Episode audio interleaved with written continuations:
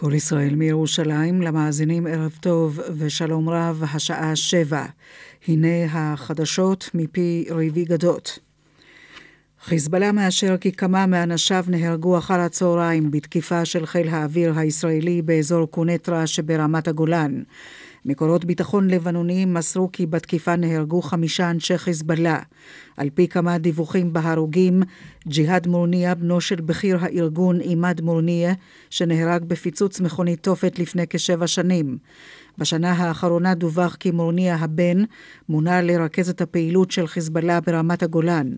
את הדברים מוסרים כתבתנו רחל ליפקין וכתבנו ערן זינגר. כתבתנו כרמלה מנשה מוסרת כי בישראל אין מגיבים לפי שעה על הדיווחים. נשיא המדינה ריבלין קורא ליושב ראש הרשות הפלסטינית אבו מאזן לנהל שיחות ישירות עם ממשלת ישראל בירושלים, במקום ללכת לאו"ם או לבית הדין בהאג. הנשיא ריבלין אמר את הדברים בלשכתו למשלחת של סנטורים מארצות הברית, ובראשם ג'ון מקיין. מדבריו הביא כתבנו בני דודקביץ'. מינויים במטכ"ל, האלוף ניצן אלון מונה לראש אגף מבצעים והאלוף רוני נומה יהיה מפקד פיקוד מרכז. מפקד מפקדת העומק יהיה האלוף במילואים טל רוסו.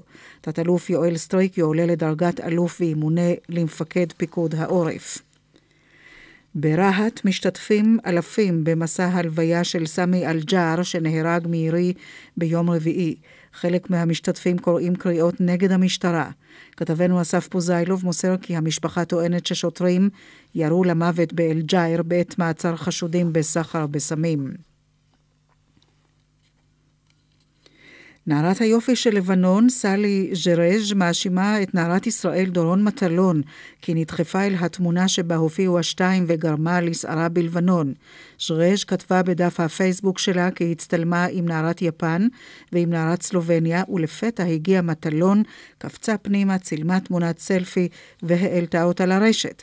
מרגע שהגעתי לאתר התחרות במיאמי נזהרתי מאוד מכל מגע עם נערת ישראל והקפדתי לא להיות איתה בקשר, אף שניסתה כמה פעמים להצטלם איתי, הוסיפה נערת לבנון. התמונה שבה נראות ארבע הצעירות הופיעו בחשבונה של מטלון לפני כשבוע, ועקב כך קראו בלבנון לשלול מז'רז' את תוארה. מטלון אמרה בתגובה כי התנהגותה של ז'רז' מעציבה אותה אינה מפתיעה. תחרות מיס יוניברס תתקיים בעוד שבוע. ישראל ויפן חתמו על הסכם הבנות להרחבת שיתוף הפעולה בתחומי המחקר המדעי. ההסכם נחתם במהלך ביקורו של ראש ממשלת יפן אבה בישראל, וחתמו עליו נשיא סוכנות המדע היפנית מיצ'יהרו נקמורה ומנכ"ל משרד המדע עידו שריר. כתבנו לענייני מדע איתי נבו מוסר כי יפן וישראל משקיעות כמיליון ורבע דולרים בשנה במחקרים משותפים בחלוקה שווה. כעת החליטו הצדדים להרחיב את ההשקעה במחקר יישומי והנדסי, אך טרם נקבעו היקפי ההשקעות. עורכי החדשות, רון נסיאל ויובל גנור, התחזית, מיד. מחמם המים של פזגז חוסך לכם גם חשמל וגם כסף. לחיסכון התקשרו עכשיו, כוכבי 9636. אל תבזבז, תפזגז. והתחזית הלילה קר, מחר עלייה קלה בטמפרטורות, מיום שלישי עד יום חמישי עוד התחממות, יהיה חם מן הרגיל בעונה. מידות החום החזויות בירושלים מ-7 מעלות בלילה עד 14 מעלות מחר בצהריים, בתל אביב מ-8 עד 18, בחיפה מ-10 עד 17, בצפת מ-6 עד 12, בבאר שבע מ-4 עד 18, ובאילת מ-8 מעלות בלילה עד 20 מעלות מחר בצהריים. זה סוף החדשות מכל ישראל. רשת ב' של כל ישראל. כל החדשות. השידור הציבורי שלכם ובשבילכם. מיד דין ודברים, אך לפני כן אנחנו פונים אל ערן זינגר, כתבנו לענייני ערבים, על הדיווחים בדבר תקיפת חיל האוויר בקונטרה, ערן? כן, החידוש מהשעה האחרונה, איריס, הוא שחיזבאללה מודה ומאשר כי אנשיו נפגעו, נהרגו בתקיפה של חיל האוויר אה, של ישראל אחר הצהריים באזור אה, קונטרה, באזור הכפר מזעת אל-עמל, אה, בצידו הסורי של רמת הגולן. בתחילה לא יצאו דיווחים ולא היה שום אישור מחיזבאללה, אבל ממש בדקות האחרונות ערוץ אל-מנאר של חיזבאללה, הערוץ הרשמי של הארגון, מאשר כי כמה מאנשיו, הוא לא נוקב במספרם המדויק, אבל על פי כמה דיווחים מדובר בחמישה אנשי חיזבאללה נהרגו באותה תקיפה שבמהלכה שוגרו ממסוק ישראלי שני טילים אל שיירה של אנשי חיזבאללה. אין עדיין מידע או אין שמות או אין פרסום רשמי של שמות ההרוגים, אבל כלי תקשורת לבנונים מבליטים את שמו של ג'יהאד מורניה. ג'יהאד מורניה הוא בנו של עימאד מורניה, בכיר חיזבאללה, הוא אולי אחד הבכירים ביותר שהיו אי פעם לארגון חיזבאללה, שחוסל בפיצוץ של מכונית תופת בפברואר 2008, פעולה שחיזבאללה האשים בה את ישראל, וג'יהאד, הבן של עימאד מורניה, מונה בידי חיזבאללה להיות אחראי על הפעילות של חיזבאללה באזור רמת הגולן. כאמור, עכשיו מדווחים הלבנונים שאותו ג'יהאד מורניה הוא אחד מההרוגים של חיזבאללה באותה פעולה ברמת הגולן. כאמור, חיזבאללה מאשר ומודה, כן. אנשינו נהרגו באותה תקיפה של חיל האוויר. אנחנו מאוד מודים לך, ערן זינגר, כתבנו לענייני ערבים, על הדיווח הזה. תודה, ערן. ועכשיו אה, נעבור אל אה, מוקד התנועה, ענת הראל, בבקשה. שלום איריס, דרך 85 עמוסה מכרמיאל עד שזור, בדרך החוף לכיוון צפון מגלילות עד שפיים, בהמשך עמוס ממחלף נתניה עד מחלף חבצלת. בדרך אשדוד תל אביב עומס תנועה ממחלף ראשון לציון עד מחלף השבעה, באיילון לכיוון דרום עמוס ממחלף רוקח עד מחלף לגוארדיה, צפונה ממחלף חולון עד ארלוזורוב, בהמשך מקרן קיימת עד גלילות. בדרום דרך 40 עמוס ממחלף מאחז עד בית קמה בשל תאונת דרכים. הרשות הלאומית לבטיחות בדרכים מזכירה הולך רגל אל תתפרץ לכביש ואל תפתיע את הנהג. מוקד התנועה של כל ישראל מכל טלפון נייד, כוכבית 955. לקבל מכונת קפה? זה לא crazy בכלל! מצטרפים לאספרסו קלאב ומשלמים רק על הקפסולות. לקבלת מכונת קפה, חייגו כוכבית 4994. אספרסו קלאב, פשוט לשתות קפה.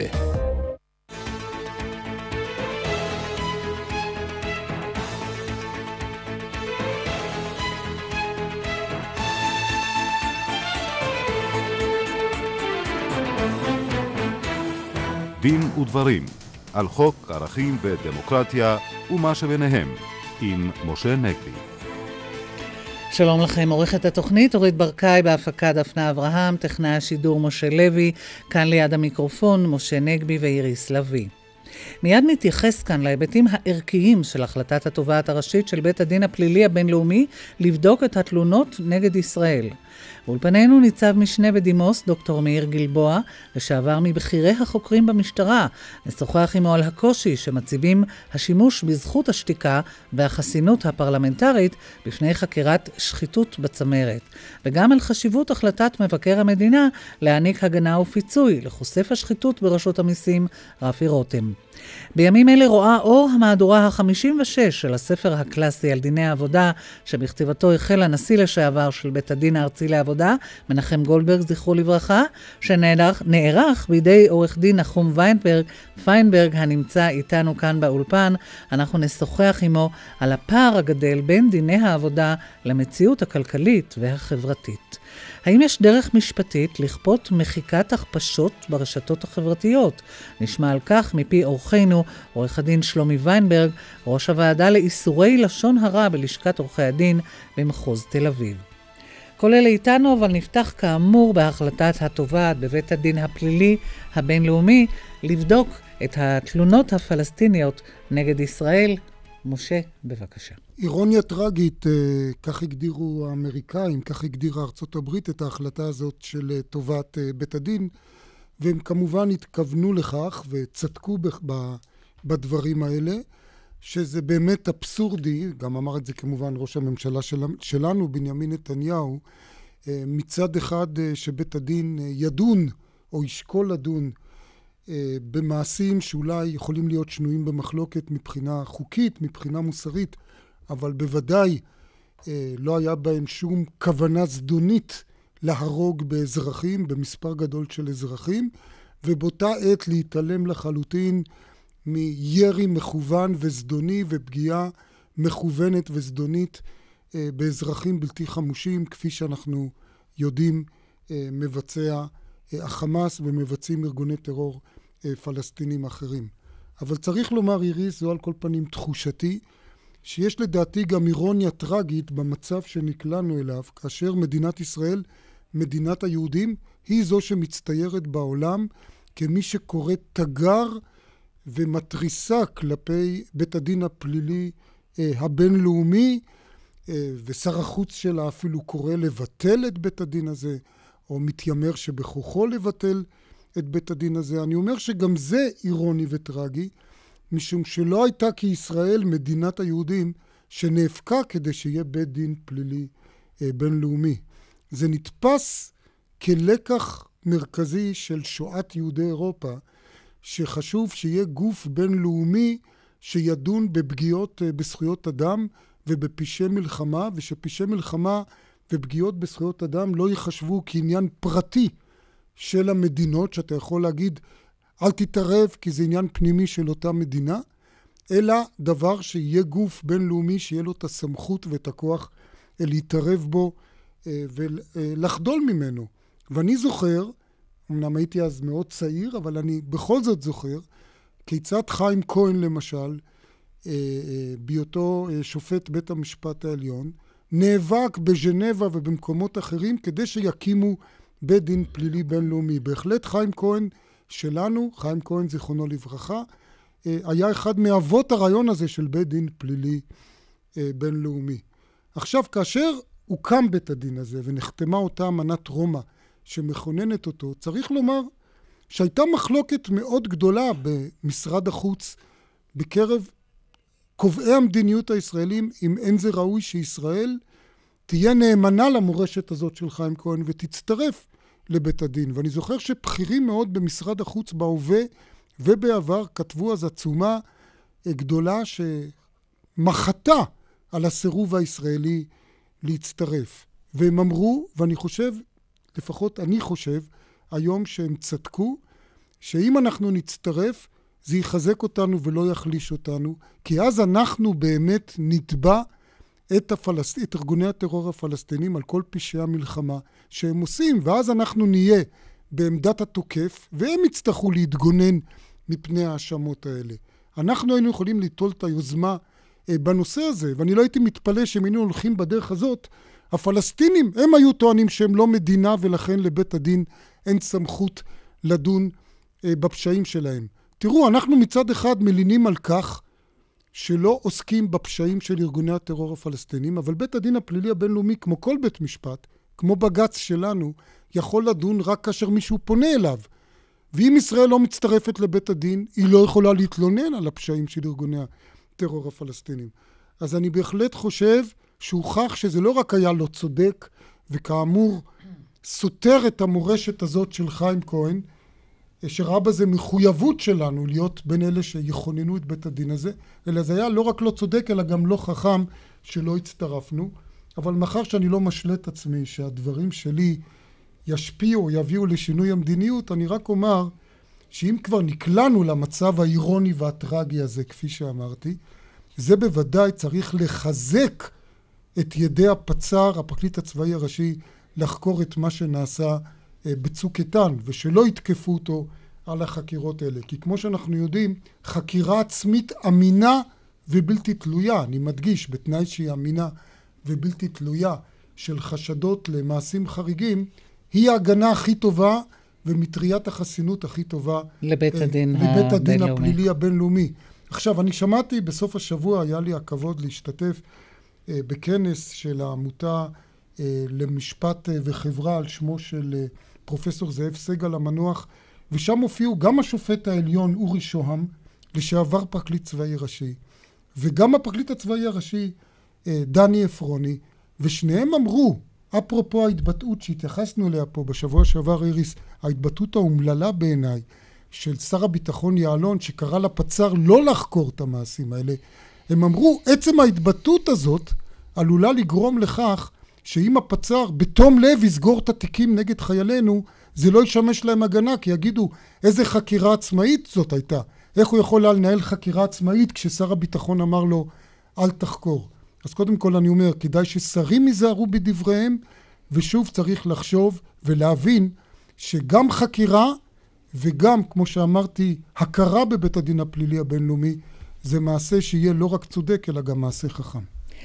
מכאן אה, לענייני הפנים שלנו, סגנית אה, השר אה, קירשנבאום הודיעה כי היא תשתוק בחקירתה, וההודעה הזו עוררה שוב את השאלה אם ראוי שנבחר ציבור ינצל את הזכות הזו.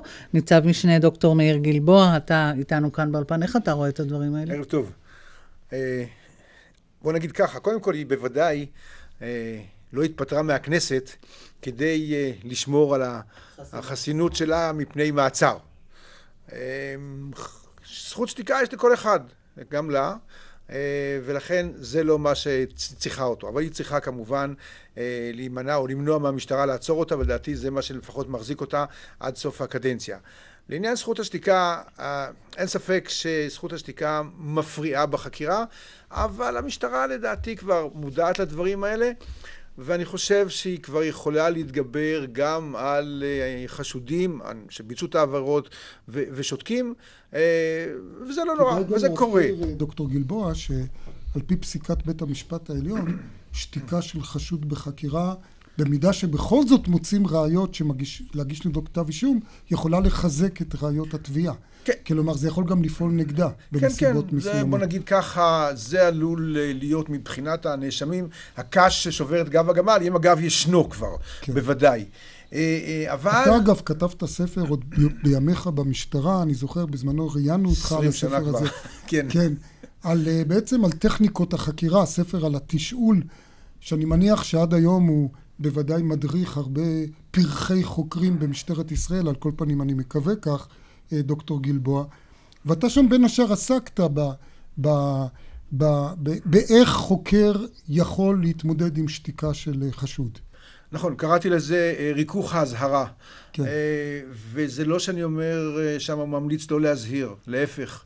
אני חושב שחובה להזהיר... אולי נסביר רק, האזהרה זו אותו, אותה אמירה לנחקר שאתה רשאי לשתוק. שמעמידה אותו על זכויותיו, כן, זכויותיו, שתיקה והיום גם זכות ההיוועצות, אין שום בעיה כן. בנושא הזה. אה, מה שאני אומר שם וגם היום, ואולי אפילו זה דעתי גם דרך עדיפה בכלל, זה לא לבוא לבן אדם ולהגיד לו, תשמע, אינך חשוד ברצח, כל אשר תאמר יירשם על ידי וכולי וכולי, זכותך. לא, צריך להגיד לו, תשמע, אתה לקחת אקדח וירית לכיוון של מישהו, והוא נהרג או מת, ו... וזה לדעתי, ואחר כך כמובן להגיד לו את, ה, את הזכויות שלו כמובן. למשל, היו מקרים שאני אמרתי לבן אדם, תשמע, אתה יודע שאנחנו לא נכריח כן, אותך לדבר. שנייה, אני מפסיקה אותך לשנייה, כי כתבנו אסף פוזיילוב אה, מדווח לנו עכשיו על מהומות ברהט. אסף? כן, כן, מהומות אה, ברהט במהלך הלוויה של הצעיר בן 20, אה, אה, סמי. אל-ג'איר שנהרג אה, מירי, התושבים כאן, המשפחה, טוענים מירי משטרה, הגיעו עשרת אלפים ללוויה הזאת, אישי ציבור כולל השייח' אה, אה, ראאד סלאח, ראש הפלג הצפוני בתנועה האסלאמית, וברגע שנכנסו כמה ניידות משטרה לאזור וחלק מהאלפים ראו את, ה, את האור המשטרתי, החלו התפרעויות קשות מאוד, מאות צעירים החלו לידות אבנים, לפוצץ נפצים, אנחנו שומעים עכשיו ביריות רבות מאוד בעשר הדקות האחרונות מצד המשטרה, הוזנקו לכאן ניידות, גם אה, מסוק משטרתי שחג מעלינו באוויר. יש פצועים, אסף? יש פצועים? לא יודעים לי כרגע על פצועים, אבל אני יכול לומר שיש כאן ניידת אה, משטרה אה, גדולה שעשתה תאונה במהלך המהומה והבלגן, היא התנגשה בחוזקה במעקה הבטיחות כן. והידרדרה לכיוון... לכיוון השוליים, עשרות מפגינים החלו להקיף אותה ולנדנד אותה. כעת אני שומע עוד ניידות משטרה אה, שמגיעות. ובאמת מאות רבות okay, אוקיי, של אסף, תמשיך אה, לדווח, ת, תהיה שם כמובן, ותעביר לנו אה, בהמשך את הדיווחים. ניצ... תודה רבה לך בנקודה הזאת. בנקודה הזאת באמת, אה, אני לא יכול שלא להיזכר, ואני בטוח שגם אתה נזכרת בו, מאורעות אה, אוקטובר אה, 2000, אותו אה, הרג בירי המשטרה. אה, של, אה, אם אני זוכר נכון, 12 או 13 כן. אה, אזרחים ערבים, בלתי חמושים כמובן, אבל בהפגנה. ואני רוצה גם להזכיר, ואני זוכר שגם כתבת על כך אז, אני, אני רוצה להזכיר שלמרות שמצד אחד ועדת אור קבע שהירי בחלקו לפחות לא היה מוצדק, בעצם אף אחד מן היורים ואף אחד מאלה שנתנו את פקודת הירי לא עמדו לדין, ואולי שוב אנחנו קוצרים את פרי הבאושים של אה, קושי של המשטרה להטמיע את עקרונות אה, ההתמודדות עם הפגנות, אה, פתיחה, הוראות הפתיחה באש. בטח יש לך מה לומר גם על זה. קודם כל מסתבר שאתה זוכר את מה שאני כתבתי יותר טוב ממני. כן. מה שקרה במשטרת ישראל, בוא נגיד אפילו ב-40 שנה האחרונות, מאז שהיא קיבלה את האחריות על ביטחון הפנים, שהיא נהייתה הרבה יותר מיליטריסטית, הרבה יותר עם שימוש בכוח, כולל שימוש בנשק. אותן יחידות יס"מ שלמעשה מאמנים אותם ומחנכים אותם וכל הסוציאליזציה שלהם זה להשתמש בכוח ולכן אנחנו רואים הרבה פעמים שימוש בכוח רב יותר מאשר צריך בעיקר דרך אגב בהפגנות שנגד השלטון. יש מחקר ענק על הפגנות במדינת ישראל ובה, ובו נמצאו למשל שבהפגנות נגד השלטון יש הרבה יותר שימוש בכוח מאשר עוצמת ההפגנה ולעומת זאת הפגנות של תמיכה. ציבורים שיש להם נציגות בשלטון. נציגות בשלטון אז כמובן הטיפול המשטרתי הוא יותר בוא נגיד הרבה יותר סובלני ונדמה לי גם שכאשר מדובר בטיפול בהפגנות גם היכולת של הפוליטיקאים, במקרה הזה השר שממונה על המשטרה, להתערב ולכוון את המשטרה לאפיקים הפוליטיים שהוא מעוניין בהם, הוא יותר חזק נאמר מאשר בתחום החקירות. כן, זה, זה, זה מצער באותה אה, ועדת בדיקה, נקרא לזה ככה, שהוקמה אה, בעקבות המהומות של אה, אוקטובר 90 בהר הבית, כן, כן, בהר הבית. אה, ועדה שישב בראשה לדעתי פרופסור נאמן, קבעה שדווקא בדברים האלה, בהפגנות, על השר יש רשות אה, להתערב ובחקירות לא. אבל אם זה הפגנה בעד, בעד השלטון, האם, או נגד השלטון, האם ראוי שהשר יגיד למשטרה, תשמעו, אתם תתערבו ככה לטובת זה או לטובת אחר? חוץ מזה שהפגנה, או טיפול משטרתי בהפגנה, זה שימוש בכוח, בדרך כלל, גם אם זה סביר או לא, גם אם לא, וזה הסמכות של השוטר. לא יכול להיות ששר המשטרה יבוא ויגיד לשוטר, גם אם הוא מפכ"ל וגם אם הוא שוטר פשוט, אתה במקרה הזה תשתמש בכוח כזה או אחר. על זה דרך אגב אה, אה, עמית שהיה מפקד מחוז ירושלים בגלל זו אף בגלל שהוא לא שמע את אה, דברי קהלני ובדין הוא לא שמע. כן, אני רוצה לחזור לנושא שעסקנו בו לפני הדיווח העדכני של כתבנו אסף פוזיילו וזה הנושא של זכות השתיקה. אני בכל זאת הייתי רוצה גם התייחסות שלך לצד הערכי-מוסרי, כי אמרת זכותה לשתוק, על זה אין מחלוקת, אם כי אני אציין שיש מדינות מאוד מתוקנות שאין בהן זכות שתיקה, כל מדינות באירופה. אירופה הקונטיננטלית, לא אנגליה, אה, אה, אין בהם זכות שתיקה ואף אחד לא חושב שיש בזה עוול. והיה אפילו פילוסוף אנגלי ג'רמי בנטאם שאמר שאם כל הפושעים היו מתכנסים והיו אומרים להם נותנים לכם לחוקק חוק אחד הם היו מחוקקים את חוק זכות השתיקה כי זה מאפשר בעצם לפושעים לחמוק מעונש. אבל בהנחה שיש אצלנו זכות שתיקה, האם אתה לא חושב שנכון למשל הציעו בשעתו ציפי לבני וזהבה גלאון לבטל את זכות השתיקה לגבי נבחרי ציבור לפחות במובן הזה תהיה להם זכות שתיקה אבל אז הם לא יוכלו להתמודד להמשיך להיות אה, נבחרי ציבור כי בכל זאת מה זה אומר זכות השתיקה? בן אדם אומר אני לא רוצה לענות כי יש משהו, אם אני אענה זה עלול להפליל אותי. כלומר בעצם הוא, הוא, הוא מודה שהוא עשה מעשים לא כשרים שהוא רוצה להסתיר אותם. נכון, ובדין לכן גם החוק וגם בית המשפט מתייחס בוא נגיד בעין עקומה לשתיקה. אני חושב שלא ייתכן שעובד ציבור ישתוק וימשיך להיות עובד ציבור. לא רק שר, אלא גם חבר כנסת. הוא רוצה לשתוק, הגברת קירשנבאום רוצה לשתוק, תואיל בטובה ותעזוב גם את הכנסת. אה, אבל אתה יודע, גם אחרי המקרה של בלומנטל, אה, נעשו כל מיני ניסיונות לחוקק את, ה, אה, העניין הזה של עובד ציבור או נבחר ציבור לא יכול לשתוק, וההצעות האלה לא עברו, כי מי שצריך להחליט זה אותם נבחרי ציבור. אני עוד חושב שלא רק על נבחרי ציבור זה צריך להיות, אני חושב שזה צריך להיות גם על עובדי ציבור, לפחות עובדי ציבור בכירים. לא ייתכן שהם ימשיכו להיות שם, וגם לשתוק. אתה רוצה להיות כעובד ציבור? אני מדבר על לפני ש... במהלך חקירה. כי רק, ב, רק כשמוגש כתב אישום הם עושים איזה אקט משמעתי או כן. מנהלי כזה או אחר. אתה רוצה להמשיך להיות מנכ"ל של משרד או, או בכיר כזה או אחר, תן גרסה. אז תדבר, תיתן כן. גרסה. כן, אה, אה, אה, ניצב משנה גלבוע, דוקטור גלבוע, אני רוצה אולי להתייחס למשהו חיובי שקרה בתחום המאבק בשחיתות, זה קשה למצוא, אבל בוא נהיה חיוביים. אה, אותה החלטה, אני חושב, בהחלט אה, פורצת דרך, אמיצה. מגיע לו שבח. של מבקר המדינה עורך דין יוסי שפירא אה, אה, אה, לתת הגנה סוף סוף לרפי רותם ששילם מחיר כל כך יקר על חשיפות, חשיפת השחיתות ברשות המיסים.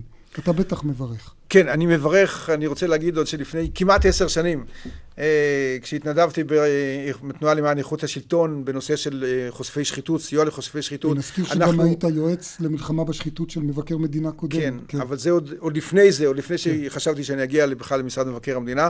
אה, אנחנו נתנו לו איזשהו נייר, מסמך, נקרא לזה משהו כמו ידיד בית המשפט, שמסביר למה אנחנו חושבים שהוא חושף שחיתות, ובכלל מה זה חושף שחיתות וכל הדברים האלה. לצערנו, השופטת, אה, בוא נגיד לא בשפה המשפטית, זרקה את זה אה, ולא השתמשה בזה, וזה מאוד מאוד חבל, דחתה את התביעה שלו. במקביל, דרך אגב, היא קיבלה, אמנם בית הדין לעבודה יכול, אבל היא קיבלה מה שנקרא עדויות שמיעה. בית הדין לעבודה יכול לעשות את זה, מוסמך לעשות את זה, אה, בתנאים מסוימים, אבל היא קיבלה עדויות שמיעה, היא קיבלה למעשה מכתבים של כל מיני אנשים שעבדו איתו, שהם התלוננו נגדו, מבלי להביא את האנשים להעיד. אז חלק, את מה שאנחנו כתבנו היא לא רצתה, ומשהו ש... אחר, שהרשות המיסים רצתה, היא כן, היא כן קיבלה. בכל, בן פיינברג, אמר שאתה רוצה להגיב על משהו? בכל, בכל מקרה, רק תן לי לגמור את המשפט, והבמה שלך. אני חושב שהמאבק הזה שנמשך באמת שנים, ומי שהוביל אותו זה היה עורך דין חי בראל, שהיום מחזיק את תנועת עוגן של אה, מסייעת לחושפי שחיתות, שהתחילה כמובן מיה כוך ז"ל. אני חושב שההחלטה של שפירא היא באמת החלטה אמיצה, כמו שאמרתי קודם. אני מאוד מקווה שהיא באמת פורצת דרך, כי אם נשפוט את העבר, אני עוד לא רואה את הסנונית שמבשרת האביב. כלומר, שהיא תעודד אנשים לא לפחד ולהתריע על שחיתויות. היא קודם כל צריכה לעודד את מבקר המדינה לתת יותר צווי הגנה לחושפי שחיתות ולא להיות קמצן בהם, כפי שהיה בשנים האחרונות, כולל בתקופה הקודמת של המבקר הקודם. ואני חושב שזה צריך להיות באמת סנונית שמבשרת, ואם לא, אז זה בסדר, אז זו החלטה טובה, אבל, אבל חבל. עורך דין נחום פיינברג. אני ברשותך אה, שמח על ההחלטה, אבל אני לא נותן לה את האומץ ואת המילים היפות, ואני אסביר.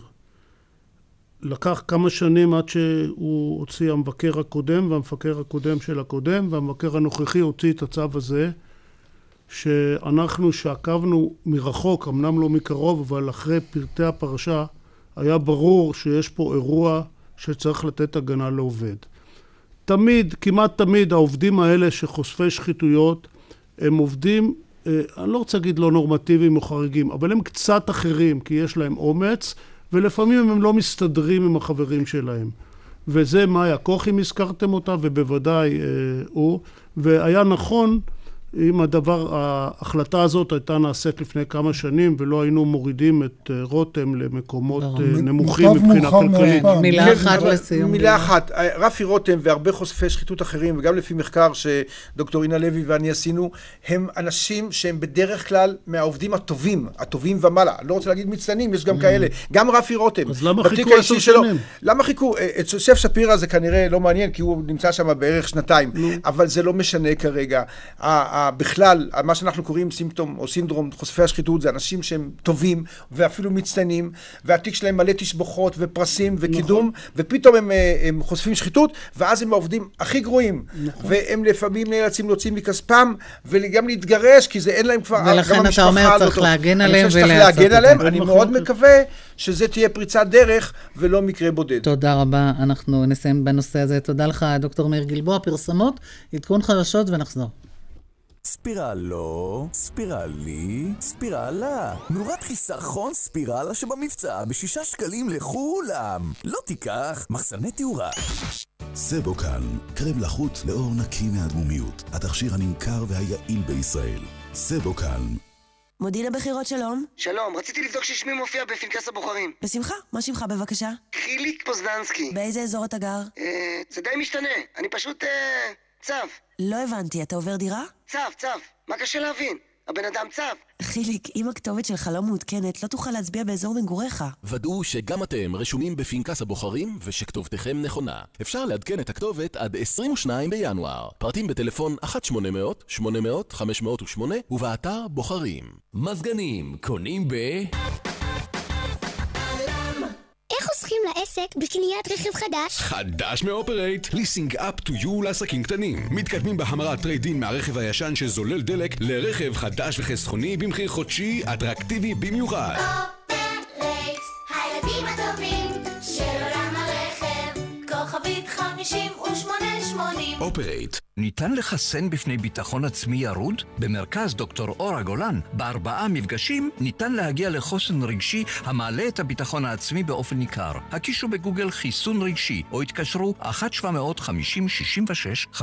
זהו, באמת שכבר ניסית הכל כדי למנוע את הנפיחות בבטן. ניסית לאכול לאט יותר, לשתות שומר חלוט, ואפילו ניסית לגרגר את המים של החמוצים. תגידי, לא הגיע הזמן לפתרון מעשי יותר?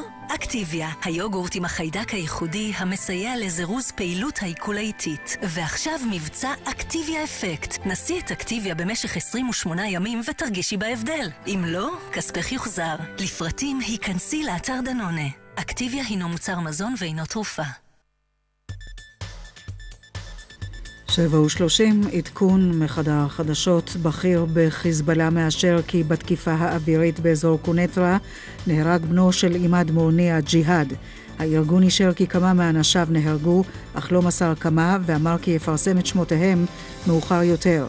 בדיווח אחר נאמר כי בתקיפת השיירה שג'יהאד מורניה נסע בה, נהרגו עוד ארבעה אנשי חיזבאללה. מהומות ברהט במהלך הלווייתו של הצעיר שנורה למוות במהלך פעילות של המשטרה. מאות צעירים מיידים אבנים אל ניידות משטרה, וכמה מהם מטלטלים כעת ניידת ואינם מאפשרים לשוטרים להיחלץ ממנה. שוטרים אחרים יורים יריות אזהרה באוויר ויורים גז מדמיע. דיפלומטים בז'נבה אומרים כי בשיחות הגרעין בין איראן למעצמות הושגה היום התקדמות מוגבלת, אך סוכם להגביר את המאמצים להשיג הסכם קבע עד המועד שנקבע 30 ביוני. והתחזית, בלילה בהיר וקר, מחר התחממות. זה העדכון מחדר החדשות. בראשון, המשחק החם של הכדורסל הישראלי. מכבי תל אביב נגד הפועל ירושלים. הערב הגדול של הכדורסל. ראשון שמונה וארבעים, בערוץ הראשון. אפשר להוציא את מייקל מרציאנו מהשב"כ, אבל אי אפשר להוציא את השב"כ ממייקל מרציאנו. תיק IVF מותחן ריגול ישראלי השואב את הקורא לתוך עלילה רבת תהפוכות בתחום האפור של מאבקי סוכנויות הביון. תיק IVF, חוויה ספרותית סוחפת שתגרום ללבכם להחסיר הרבה יותר מפעימה אחת. תיק IVF, מאת חגי טיומקין ואלדר גלאור, ספר המתח של החורף. חנית ליד אתר בנייה, ועכשיו האוטו שלך נראה כמו אחרי מלחמה? בקטנה! קונים ביטוח מקיף בוובי ומקבלים שטיפה חיצונית ופנימית לרכב חינם פעם בחודש משך כל השנה. עוד סיבה מעולה לקנות ביטוח בוובי. וובי, משווים וקונים ביטוח.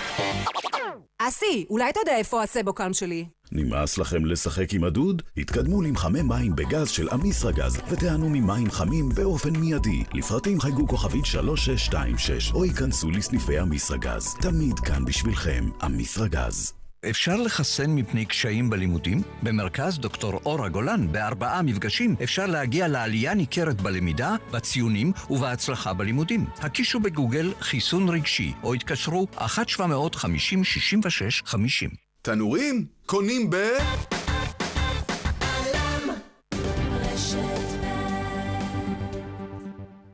ספירלו, ספירלי, ספירלה. נורת חיסכון ספירלה שבמבצע בשישה שקלים לכולם. לא תיקח, מחסני תאורה. סבוקן, קרם לחוט לאור נקי מהדמומיות. התכשיר הנמכר והיעיל בישראל. סבוקן. שלום, כאן הרב יחיאל אקשטיין, נשיא הקרן לידידות. החורף החל, ועשרות אלפי קשישים נזקקים אינם יכולים להרשות לעצמם לחמם את ביתם. לכן גם השנה תחלק הקרן לידידות ל-20 אלף קשישים מענקי חימום שיסייעו להם בהוצאות החימום הכבדות. הקרן לידידות עושים טוב, נותנים תקווה. עכשיו באופטיקה אלפרין, כל מסגרות המשקפיים, 50 שקלים בלבד. עד שווי מסגרת 800 שקלים בקניית עדשות.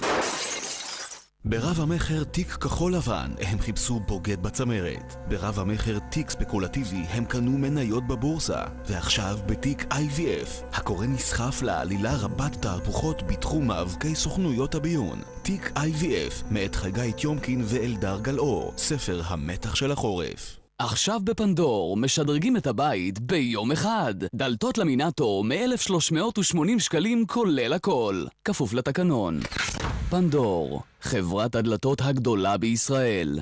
פסטיבל אילת למוסיקה קאמרית חוגג עשור בתוכנית עשירה במיוחד עם גדולי המוסיקאים מרחבי העולם ובביצועים נדירים.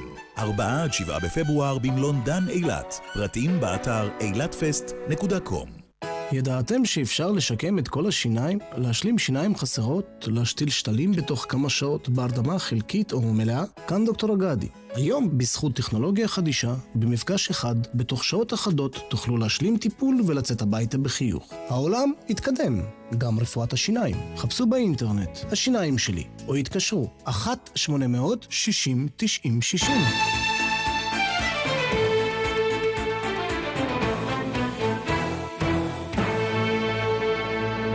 אנחנו כאן בדין ודברים, ועכשיו אנחנו פונים אליך, עורך דין נחום פיינברג. אתה ממשיך את פועלו של נשיא בית הדין הארצי לעבודה, מנחם גולדברג, זכרו לברכה, וערכת ופרסמת את המהדורה ה-56 של הספר על דיני עבודה. אז uh, נראה שהיום הפער בין הדינים והחוקים היפים לשטח הקשה הוא אולי גדול, לא? כן, הייתי מחלק את החקיקה שלנו לחקיקה מתקדמת בנושאים נקודתיים ולחקיקה ארכאית בלתי, בלתי תואמת את הכלכלה בחוקים עיקריים. החוק הבולט שפוגע ומפריע זה חוק שעות עבודה ומנוחה. כל מי שמתעסק בעניין הזה, בין אם הוא עובד, בין אם הוא מעסיק, צריך להגיד מעסיק ולא מעביד, גם כן אה, יציאה. ניואנס. לא, יציאה, אני אומר אותה בציניות, מיעוט, סתם. כן. Uh, החוק uh, הזה הוא חוק שלא מתאים, אני אתן כמה דוגמאות לשומעים שלנו, מה זה יום עבודה, מה זה שעות עבודה, מה זה חופשה, מה זה משמרת לילה. אנחנו חיים בעולם אחר, עבודה מהבית לא נכנסת פנימה. אם אתה רוצה, עובד רוצה לעבוד יותר שעות ולקזז שעות, הוא לא יכול. כלומר, לעבוד בערב אה, ולצאת יותר מוקדם, לקחת את הילד. יום עבודה גמיש, מה שנקרא. כן, שבוע עבודה גמיש, ואז בעצם כולם מבינים, ובעצם אין מחלוקת בין המעסיקים לבין ההסתדרות, כי זה צורך, אבל מה, זה לא מספיק פוליטי כנראה. אז עכשיו חתמו איזה מזכר הבנות בין התעשיינים לבין ההסתדרות, אבל זה עדיין לא מחייב. גם אה, משרד הכלכלה כבר מבין שהוא חייב להתערב. אבל אנחנו בבעיה, כמו למשל חוק פיצויי פיטורים, חוק ארכאי. אה, דווקא אני, שמי שמתעסק ומייצג מעסיקים. רק מעסיקים, חושב שהחוק הזה צריך לעבור מן העולם, ופיצויי הפיטורים צריכים להפוך לחלק מהשכר. בואו ניקח עובד שגנב, אז אני לוקח לו את המשכורת בחזרה. אה, השופט חשין, חשין החדש, השני, אמר שזה חלק מהשכר, ולא צריך לפגוע. אז זה שווה חשיבה, אבל אף אחד מפחד לחשוב. גם ההסתדרות מפחדת לחשוב על זה, כי זה ייקח לקוח והסכמים קיבוציים. אה, לכן אנחנו בהחלט מתקיפים מכל הכיוונים, ואני רוצה להביא את הדוגמה ההפוכה לחוק פוליטי של הימים האחרונים שעבר בכנסת ככה, בהרף עין, זה חוק המגורים. יש לנו את חוק שוויון הזדמנויות בעבודה. אז אני יכול לחשוב על אפליה מטעמי מין, גזע, דת, גיל, לאום, שזה מאוד חשוב. גיל, אבל עכשיו הוסיפו דבר חדש, מקום מגורים. ואני ניחשתי והלכתי לבדוק את דברי הכנסת, ואכן, מנהל בית ספר לא קיבל מתנחל לעבודה. מה זה מתנחל? הוא גר מעבר לקו הירוק, אז צריך לעשות חקיקה. וכדי לתת את ההסבר, אומרים גם קיבוצניק לא יקבלו. בקיצור, חוק פוליטי שעבר... או אולי תושב, תושב רהט.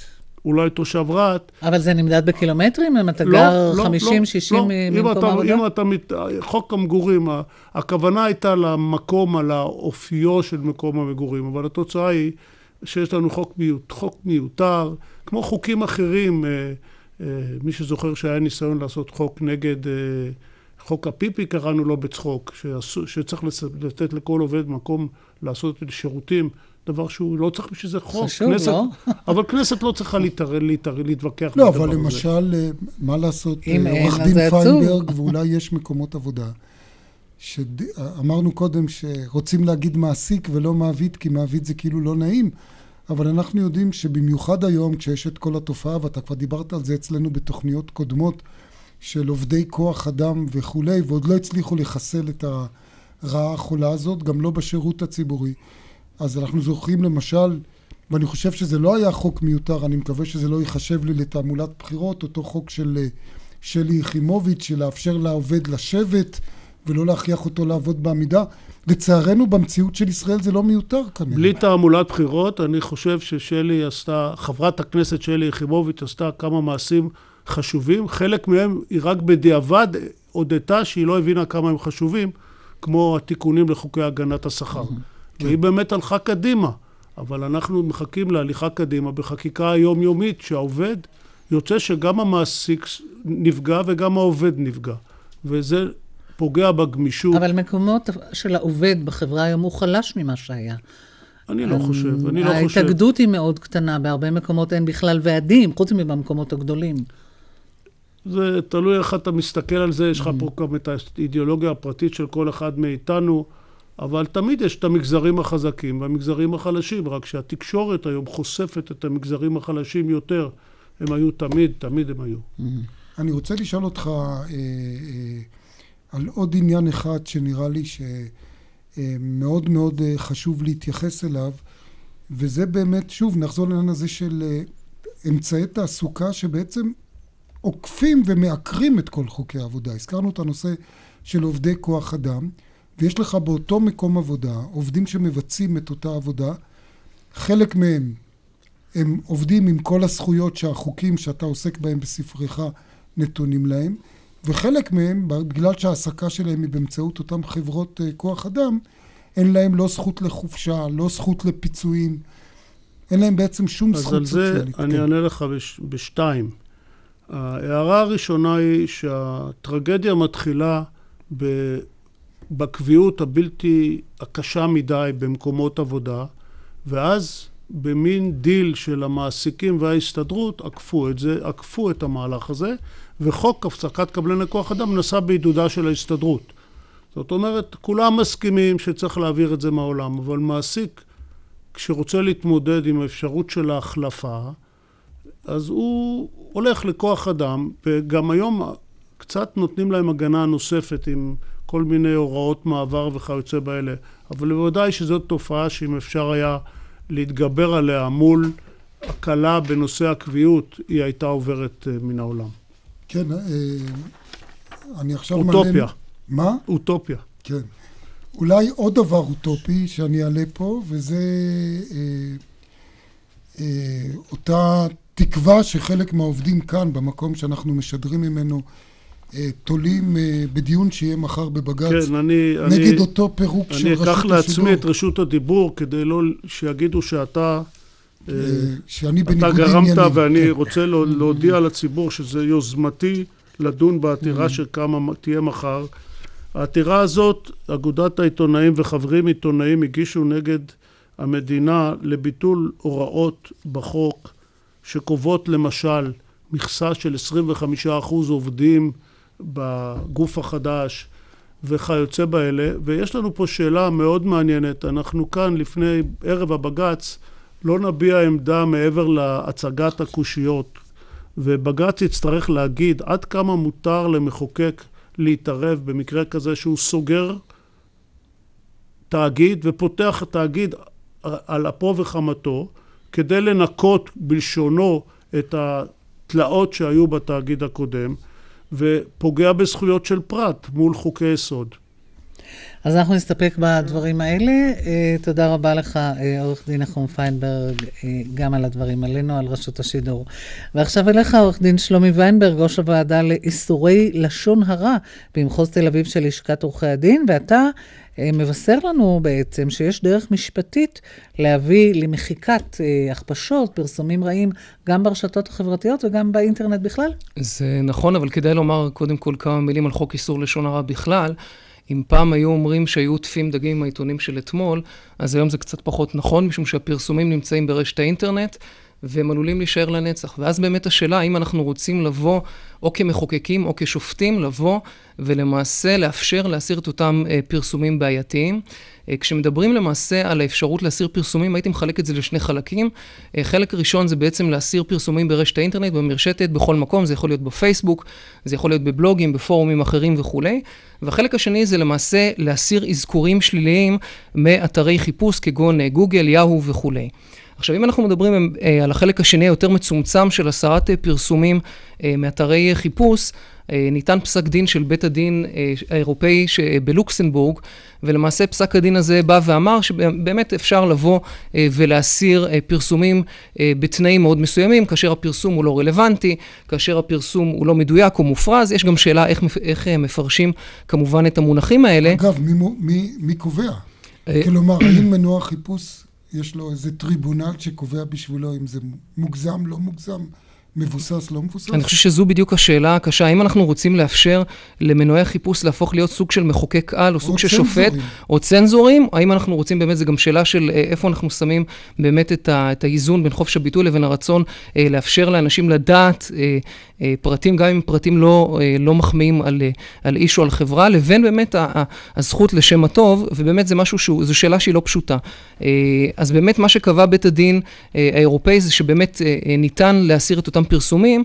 אה, אני חייב לומר שבארץ, אני לא אלאה אתכם, אבל בארץ אה, כבר היה ניסיון ליישם את זה, והניסיון הזה נכשל לא בפסק דין של בית משפט השלום. זה כרגע אה, נתון בערעור בבית המשפט המחוזי, עוד, מה שנקרא, עוד חזון למועד, אבל אני חייב לומר שלגבי החלק היותר רחב, זאת אומרת של הסרה של פרסומים מרשת האינטרנט באופן כללי, כאן אנחנו לא צריכים לעשות שימוש בזכות להישכח. אגב, יש גם איזושהי הצעת חוק בנושא הזה שכבר העלו, מכוח חוק הגנת הפרטיות, לא מכוח חוק איסור לשון הרע, אבל לא צריך ללכת לשם.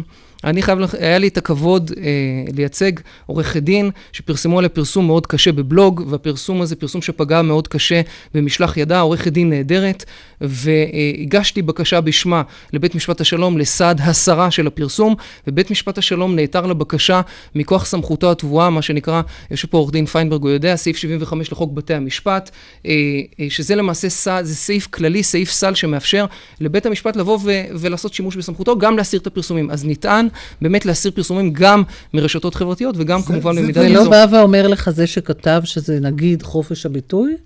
בהחלט, תמיד האיזון הוא בין חופש הביטוי לבין הפגיעה בשם הטוב. באותו מקרה שהיה, באמת בית המשפט הגיע למסקנה שהפגיעה בשם הטוב היא כל כך חמורה, ולמעשה אין הגנה למתגונן, למפרסם, מכוח, מכוח חוק איסור לשון הרע, שלמעשה המאזניים נוטים לטובת ההגנה לשם הטוב ולטובת הסרת הפרסום. ואז זה נמחק מכל מקום שזה נמצא בו ברשת. הפרסום הוסר, כן, אותו, כמובן שתמיד יש אפשרות אה, לאותו מפרסם לבוא ולנסות לפרסם את זה במקומות נוספים, אבל כמובן אז ניתן לפנות בבקשה לביזיון. ביזיון בית משפט, ויש דרכים אה, נוספות, דרכים משפטיות. אה, באמת יש פה חידוש, עורך דין ויינברג, אולי נדגיש, כי בעבר, לפני עידן האינטרנט, היה מקובל שאם מפרסמים עליך פרסום מכפיש והוא כבר יצא לאור, כולנו זוכרים את פסק הדין אבנרי נגד שפירא, אה, אתה יכול...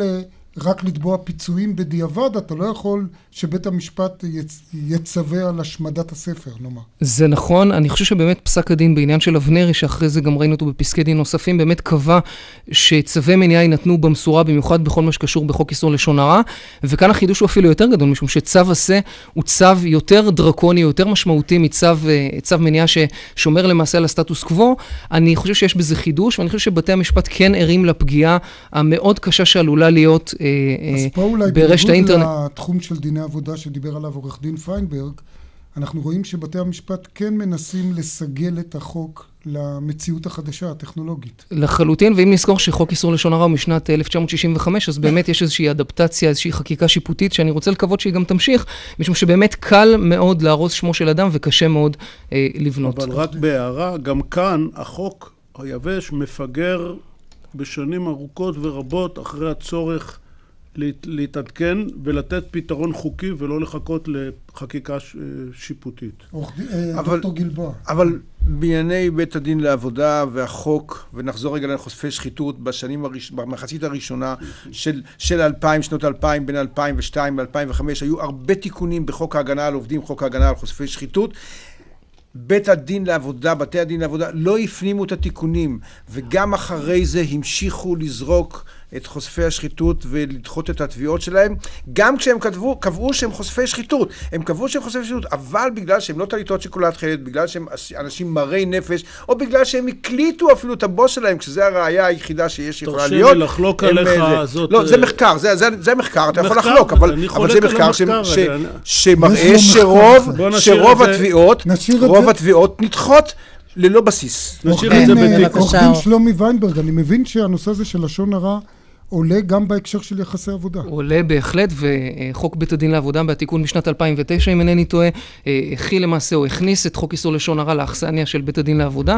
זה גם יוצר קשיים, זה גם יוצר אתגרים מעניינים, זה אולי בהזדמנות אנחנו נשוחח על זה, אבל רק עוד הערה אחת בנושא של, של הסעדים שבית המשפט יכול להעניק, באמת הסעד של להסיר את הפרסום, או, או למנוע מהפרסום הזה להתקיים, הוא סעד אחד שקיים, אבל כמובן בתי המשפט יכולים לפסוק סעדים נוספים כגון פיצויים, ואפרופו מחקרים, ניתן לראות שבשנתיים האחרונות בתי המשפט הולכים ומגדילים את הפיצויים שנפסקים בגין פרסומים במרשתת, וזה בעקבות ההכרה באמת של בתי המשפט שפרסומים ברשת האינטרנט עלולים להיות פוגעניים יותר. הם ויראליים בהחלט, אפשר לעשות שיירינג, אפשר לעשות... אני רוצה לשאול על משהו קטן שאולי הוא לא נועד לפגוע כמו, אלא שהוא בצנעת הפרט, או מישהו שעבר איזה טיפול רפואי, ופתאום הוא מוצא את זה כתוב ב... גם את זה אפשר להסיר באותו... בהחלט, ואני חושב, אם אינני טועה, גם ניתן פסק דין בנושא של השופט זילברטל, וגם בעקבות כך, אני חושב שיש אפילו הצעת חוק, אינני זוכר אם היא הבשילה לכדי חוק חרוץ, שאומר שכאשר מדובר בתיק שיש בו עניינים רפואיים שאמורים להיות חסויים, במקרה כזה בית המשפט יורה על חיסיון, חיסיון שמו של האדם, ימחקו את השם, יקראו לו פלוני או פלונית, ובהחלט זו מגמה, מגמה חיובית גם מכוח חוק הגנת הפרטיות. אגב, באמת גם בתי המשפט עושים שימוש בחוק הגנת הפרטיות לצורך הכלה או לצורך הסרה של פרסומים שהם פרסומים כן. פוגעניים או פוגעים בפרטיות. תודה רבה לכם רבותיי, אבל ממש לפני סיום אנחנו רוצים להעלות שוב את אסף פוזיילוב, כתבנו, אתה מספר לנו שיש ברהט שם כבר פצועים? אסף?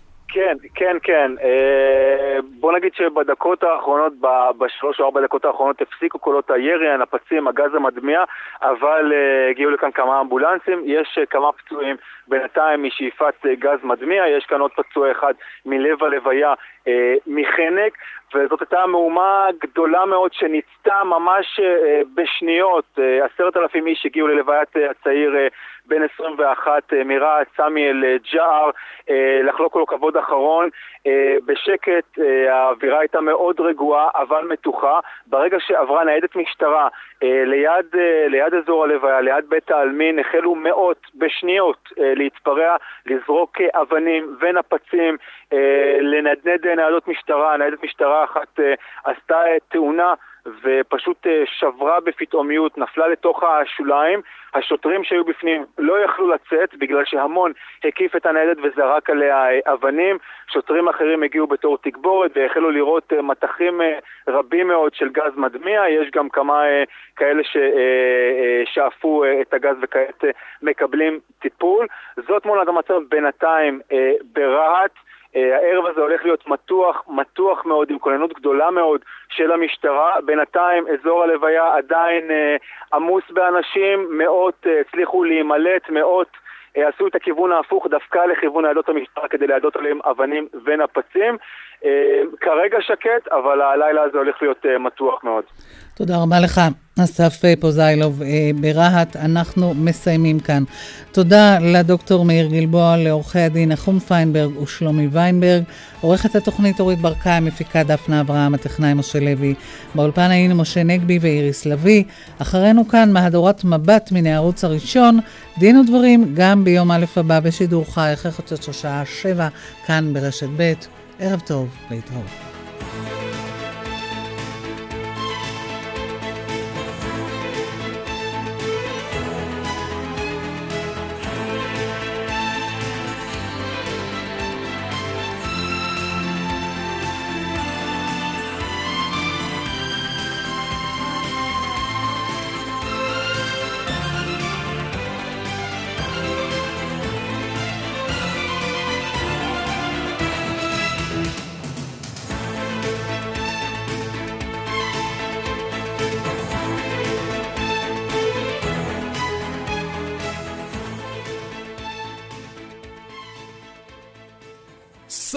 קונים ב... עכשיו באופטיקה אלפרין, כל מסגרות המשקפיים, 50 שקלים בלבד. עד שווי מסגרת 800 שקלים בקניית עדשות. עכשיו בפנדור, משדרגים את הבית ביום אחד. דלתות למינטו מ-1380 שקלים כולל הכל. כפוף לתקנון. פנדור, חברת הדלתות הגדולה בישראל. ממי, ראית את הסבוקן שלי? את מתכוונת הסבוקן שלי. טלוויזיות קונים ב... משהו קורה בצומת ספרים משהו קורה בצומת ספרים. צומת ספרים חוגגת יום הולדת 12, ואתם מקבלים מתנות. וגם ספר שני ב-12 שקלים. כדאי לעצור בצומת ספרים. כפוף לתקנון. לוקחים מעט ונותנים הרבה. זה בדיוק מה שקורה בבית גיל פז, הדיור המוגן בכפר סבא. מחיר סביר והרבה מאוד נתינה. חדר מולטימדיה עצום ומשוכלל לנכדים ולנינים. שירותי מרפאה מקצועיים, פעילויות תרבות, דירות נוחות ומפנקות. כאן חיים ברקן, מנכ"ל גיל פז. בואו לראות במו עיניכם כמה שונה הבית שלנו מכל דיור מוגן אחר. התקשרו אלינו. 1-700-55-70-80 לשלם על מכונת קפה? זה crazy! מצטרפים לאספרסו קלאב ומשלמים רק על הקפסולות. לקבלת מכונת קפה, חייגו כוכבית 4994. אספרסו קלאב, פשוט לשתות קפה.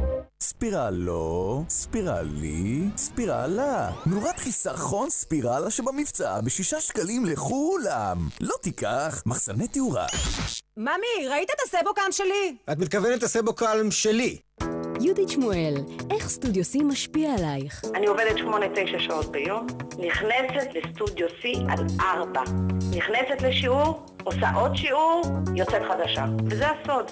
גם את רוצה להרגיש ולהיראות נפלא? סטודיו C, כוכבית 50, 45 86% ממשתמשי מגה גלופלקס מעידים כי השימוש בו סייע להם בהתמודדות עם כאבי המפרקים. אז הנה עוד סיבה לומר לעצמך, אני לא מוותר לכאב במפרקים. בשביל זה יש מגה גלופלקס. ועכשיו, מגה גלופלקס במהדורה מיוחדת. 180 טבליות פלוס 60. מגה גלופלקס של אלטמן. תוסף התזונה הרשמי של המשלחת האולימפית.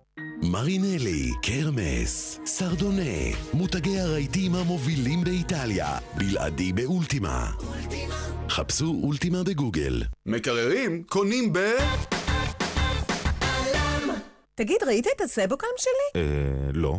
שוב נגמרו המים החמים? מתקדמים למחמי מים של אמיסרגז ונהנים ממים חמים בלי הפסקה. לפרטים חייגו כוכבית 3626 או ייכנסו לסניפי אמיסרגז. תמיד כאן בשבילכם, אמיסרגז. ועכשיו, מגה גלופלקס במהדורה מיוחדת. 180 טבליות פלוס 60. מגה גלופלקס של אלטמן. תוסף התזונה הרשמי של המשלחת האולימפית. חורף, קר, החלונות סגורים, והריח באוטו... איף, אבי. לא מדהים. בקטנה. קונים ביטוח מקיף בוובי ומקבלים שטיפה חיצונית ופנימית לרכב חינם פעם בחודש משך כל השנה. עוד סיבה מעולה לקנות ביטוח בוובי. וובי, משווים וקונים ביטוח. מכונות כביסה קונים ב... עכשיו באופטיקנה 50% הנחה על מגוון משקפי ראייה ומשקפי שמש שבמבצע. אופטיקנה,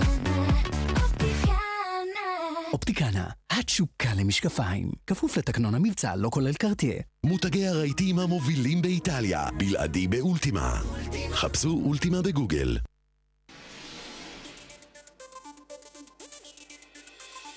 רשת ב' של כל ישראל. אנו עוברים עתה אל הטלוויזיה הישראלית, הערוץ הראשון, לשידור מהדורת מבט.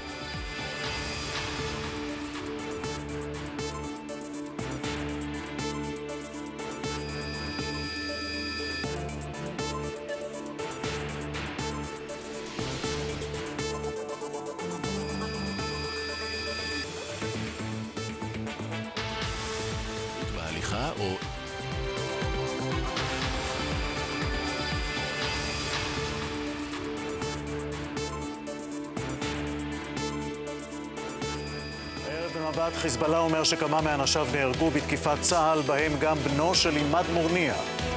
חשיפת מבט, ראש עיריית חיפה יונה יהב מקיים כינוסים פוליטיים של מפלגת כולנו של כחלון בתוך בניין העירייה בניגוד לחוק הבחירות. התארגנות חשאית בליכוד, ביקרנו בכנס סודי שדורש ספירה מחודשת של כל קולות הפריימריז. היו פה זיופי בחירות, הייתה יד מכוונת. דאעש כבר כאן. נחשף התא הראשון בישראל, עורך דין שרצה להיות רמטכ"ל המדינה האסלאמית, וסטודנט לרפואה שהפך למחבל. כחצי שנה לאחר שדרס אותו למוות, המשנה לפרקליט המדינה, משפחתו של חזי מנצור מאשימה את הפרקליטות בגרירת רגליים. האמת צריכה גם להיראות, היא לא רק צריכה להיעשות. והערב ביד אליהו, פסגת הכדורסל, מכבי תל אביב, נגד הפועל ירושלים. מבט לחדשות.